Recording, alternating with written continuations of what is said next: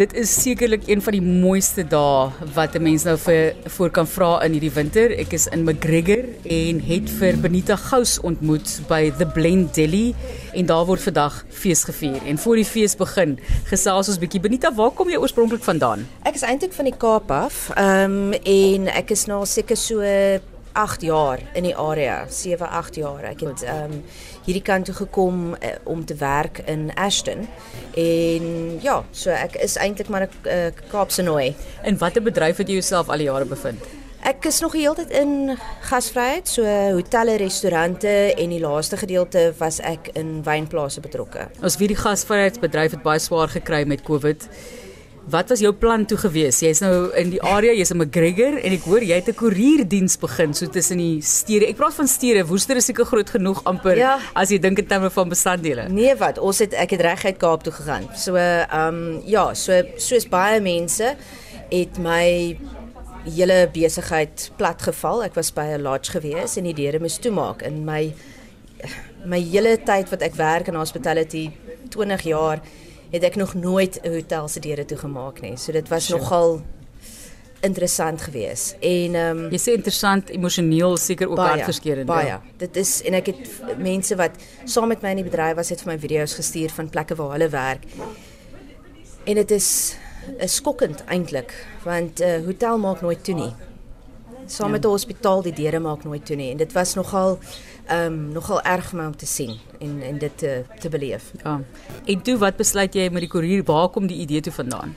Wel, so natuurlik uh, mens moet maar geld maak. Daar was geen inkomste nie en ehm um, ek moes nou maar 'n paar pakkies afry Kaap toe en ek het besluit wel dit maak geen sin om terug te kom met 'n leë kar nie. So toe dog ek, okay, wel, dalk kan ek ietsie by die mark koop. So ek het begin uh avokado's inbring oorspronklik en toe begin die pineappelbier gier. So ek het pineappels by die markie gekoop, die Kaapse mark en dit mm. teruggebring McGregor toe en ehm um, ag, toe begin ek koffie inbring en mushroom growing kits en allerlei goedjies wat hierso snaaks is en wat mense nie noodwendig elke dag kan kry nie. Ek het die beste avokado's in die dorp gehad en ehm um, uitstekende kwaliteit. So mense het elke week by my avokado's bestel, vars mossels, ehm um, allerlei goedjies begin bring en so het ek begin mense se pakkies ook afry.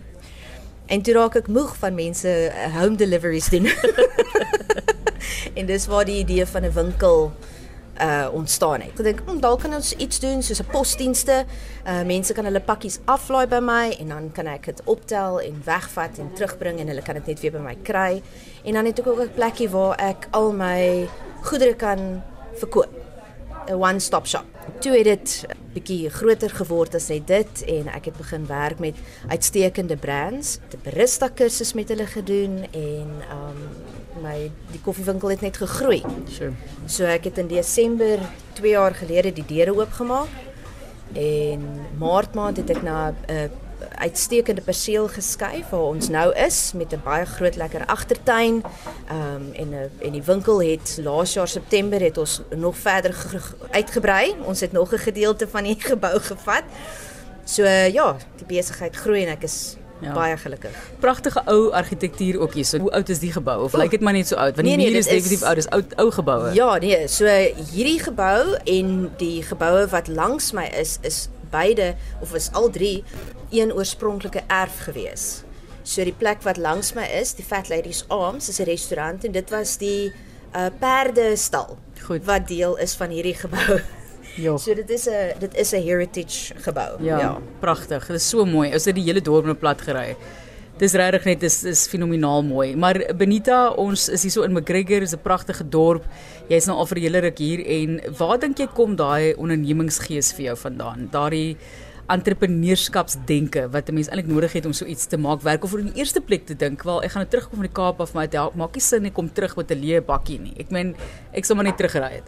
En en hier kom jy terug met goedere om te verkoop. So waar dink jy ja. kom daai daai is dit 'n geen of het jy dit ontwikkel? Ek uh, ek weet nie. Ek um, ek dink ek was nog uh, vir al die jare 'n bietjie van 'n hustler en ek het dit nooit regtig besef nie. maar ja, ek bedoel ek dink hulle sê maar die die die druk skep 'n diamant en ek dink dit is definitief in my geval wat gebeur het. Ek het al vir jare wat ek my eie besigheid wou begin en ek het net nooit regtig die kans gekry om dit regtig te laat maak werk nie. Ja. En toe die druk nou regtig daar is, toe is daar geen meer verskonings vir my om te sê ag maar 'n salaris is lekker en ja. jy weet enige verskoning wat jy regtig kan maak om om nie jou eie drome te bewussyn nie. Benita, ek kan hoor die mense is aan die aan die kom en is reg om hierdie fees ook van julle te geniet, maar dis 'n klein dorpie. Klein dorpies is ek dink vir baie mense 'n droom, dis 'n dalk 'n eenvoudiger lewe, maar 'n mens moet ook die mense leer ken, jy moet betrokke raak by jou gemeenskap, daai tipe van ding. Wat is jou beste raad vir iemand wat dieselfde droom het om na 'n klein dorpie toe te trek en 'n klein besigheid soos wat jy nou begin het, ek sê klein in aanhalingstekens want dit is 'n groot besigheid vir die dorp. Wat is jou beste raad vir mense wat dieselfde drome het? Wel, wat ek gehoor het en wat ek geleer het toe ek hierdie kant toe getrek het is en dit is dit is nog dit gaan nogal teen my natuurlike grein en dit is om met mense te praat. Mense kyk nie net op Google nie. Mm. Hulle praat met mekaar, hulle vra vir mekaar. Hier's verskriklike goeie samewerking in die dorp met die besighede self. Ons almal het 'n uitstekende verhouding met mekaar. Ons ons ondersteun mekaar se besighede ook. En die dorp self het ook 'n baie goeie ondersteunings ehm um, platform. Ja ek het mense wat elke dag na my winkel toe kom, dieselfde mense. Jy weet van die van die dorp af en hulle stuur hulle gaste en hulle stuur hulle vriende en ek dink dit is die mees belangrikste is is die verhoudings wat jy kan maak. Ja. Die verhoudings tussen ander besighede en verhoudings met die met die gemeenskap kardinaal belangrik. Ja. McGregor is is ek gesê dit is so 'n mooi plek en ek het ek hoor hierso stemme van mense van die Parel en dan hoor ek so 'n bietjie van die Kaap en so aan. So daar is definitief ondersteuning dink ek in terme van toerisme vir julle. Ja, kyk jy ons is grootendeels 'n uh, toerisme dorp. Ehm um, gedurende Covid het dit verander uh in die sin van baie van die gastehuise is opgekoop deur mense. Ons het baie mense gekry wat permanent hier kom bly het gedurende die tydperk en toe besluit het om te bly. Goed. Uh so maar ek sê dit maar in die tussentyd was daar ander gastehuise wat oopgemaak het. Ja. So ons het nou seker die meeste mense wat nog ooit in die hele dorp gebly het vir die langste tyd nog ooit. Ehm um, en dit is nog steeds nie eers 1000 dese. meeste van die huise is eintlik nog op 'n grondpad. So ja. dit is hoe klein ons nou van praat. Ja, en maar, hulle gebruik 'n honeysuckle. Ja, o natuurlik. Wow. Dis pragtig, sjoe. Benita Gous van the Blend Deli wat met ons gesels oor die planne wat sy gemaak het tydens Covid wat verander het in 'n baie suksesvolle besigheid na baie jare in die gasvryheidsbedryf wat baie swaar gekry het tydens daai COVID tydperk. Benita, ek het nou vir jou twee vrae. Punt nommer 1, wat lê vir jou met die besigheid en in die lewe en wat is die gewildste produk wat jy nou van die Kaap af inbring wat die McGregors gemeenskap, die McGregor gemeenskap aanskaf?